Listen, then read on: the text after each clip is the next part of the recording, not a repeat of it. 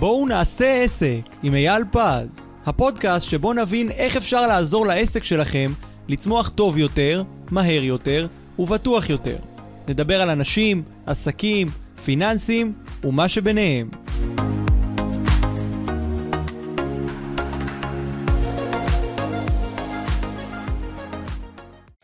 שלום חברים, ברוכים הבאים לפודקאסט שלי, בואו נעשה עסק עם אייל פז.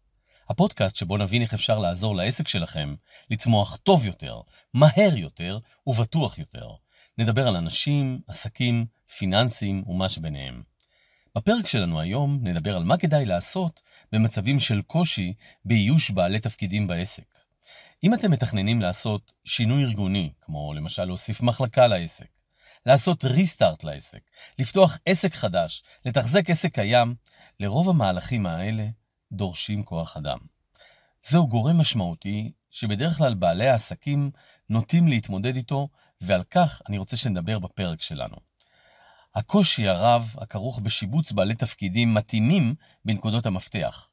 מדובר באותם עובדים קריטיים שהמעסיק חייב, כדי לאייש את התפקידים שיהוו מנוף להצלחת העסק.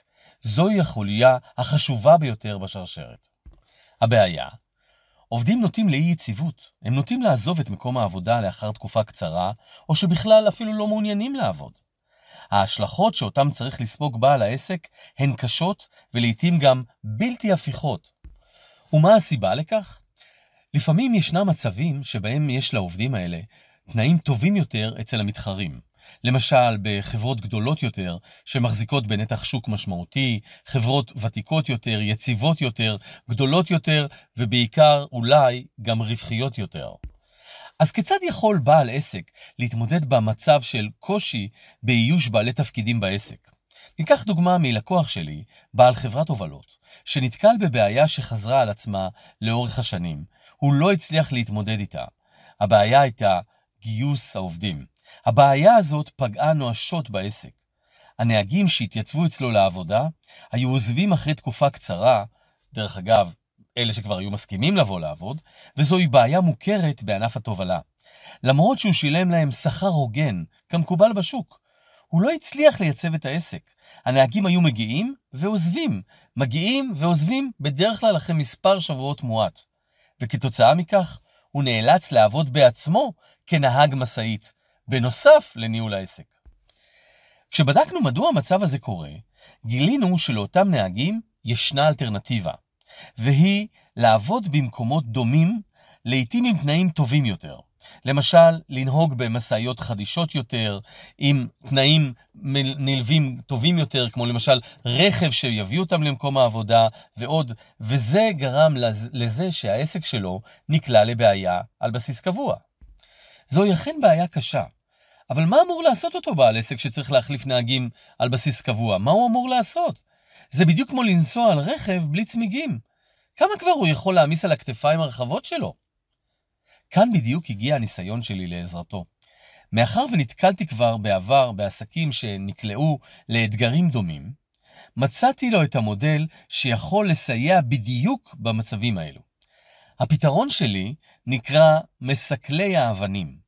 זהו שם קוד בדיוק לאותם העובדים הקריטיים שהמעסיק צריך בתחילת הדרך או בעיצוב העסק. תפקידם לעזור בעיצוב העסק ובהעלתו על המסלול הנכון שיקדם את העסק ויהפוך אותו לרווחי. ומה הם מסכלי האבנים? אלו אותם עובדים המהווים את הגרעין, את הליבה, להם צריך לשלם הרבה יותר. כן, הרבה יותר מהמקובל בשוק.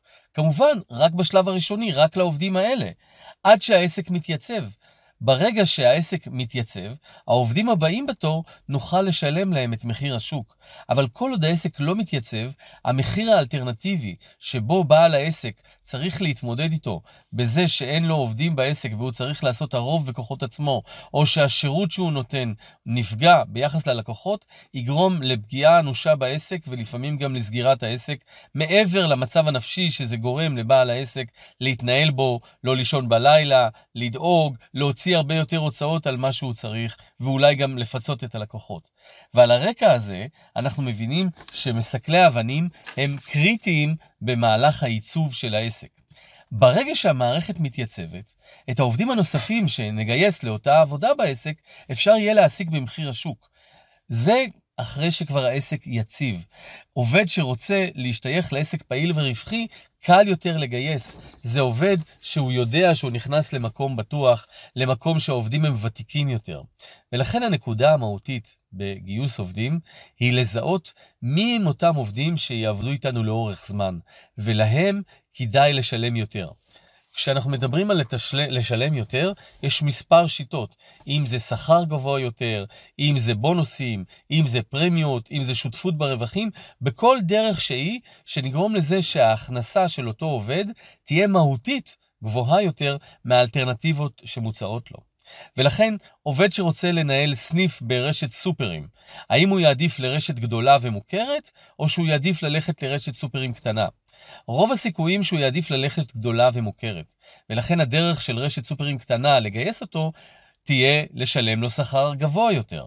מעסיק שנמצא במקום שהוא פיזית רחוק ממקום אה, מגורים רגיל, או שהוא נמצא במקום שיש בו רמת סיכון פוטנציאלית, תמיד יצטרך לשלם מחיר גבוה יותר מאשר המחיר של מי שנמצא במקום קרוב יותר.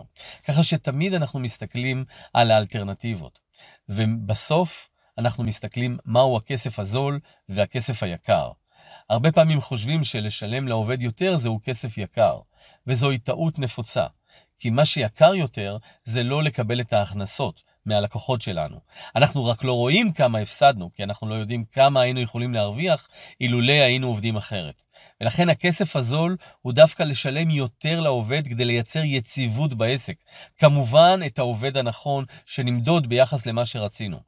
כשנתנהל ככה, הכסף היקר באמת, אנחנו נרוויח אותו, וזה ההכנסות שלנו מהלקוחות. אם אתם רוצים לקבל כלים נוספים, דברו איתי, אני אעזור לכם. שיהיה לכם יום טוב ובהצלחה לכולם.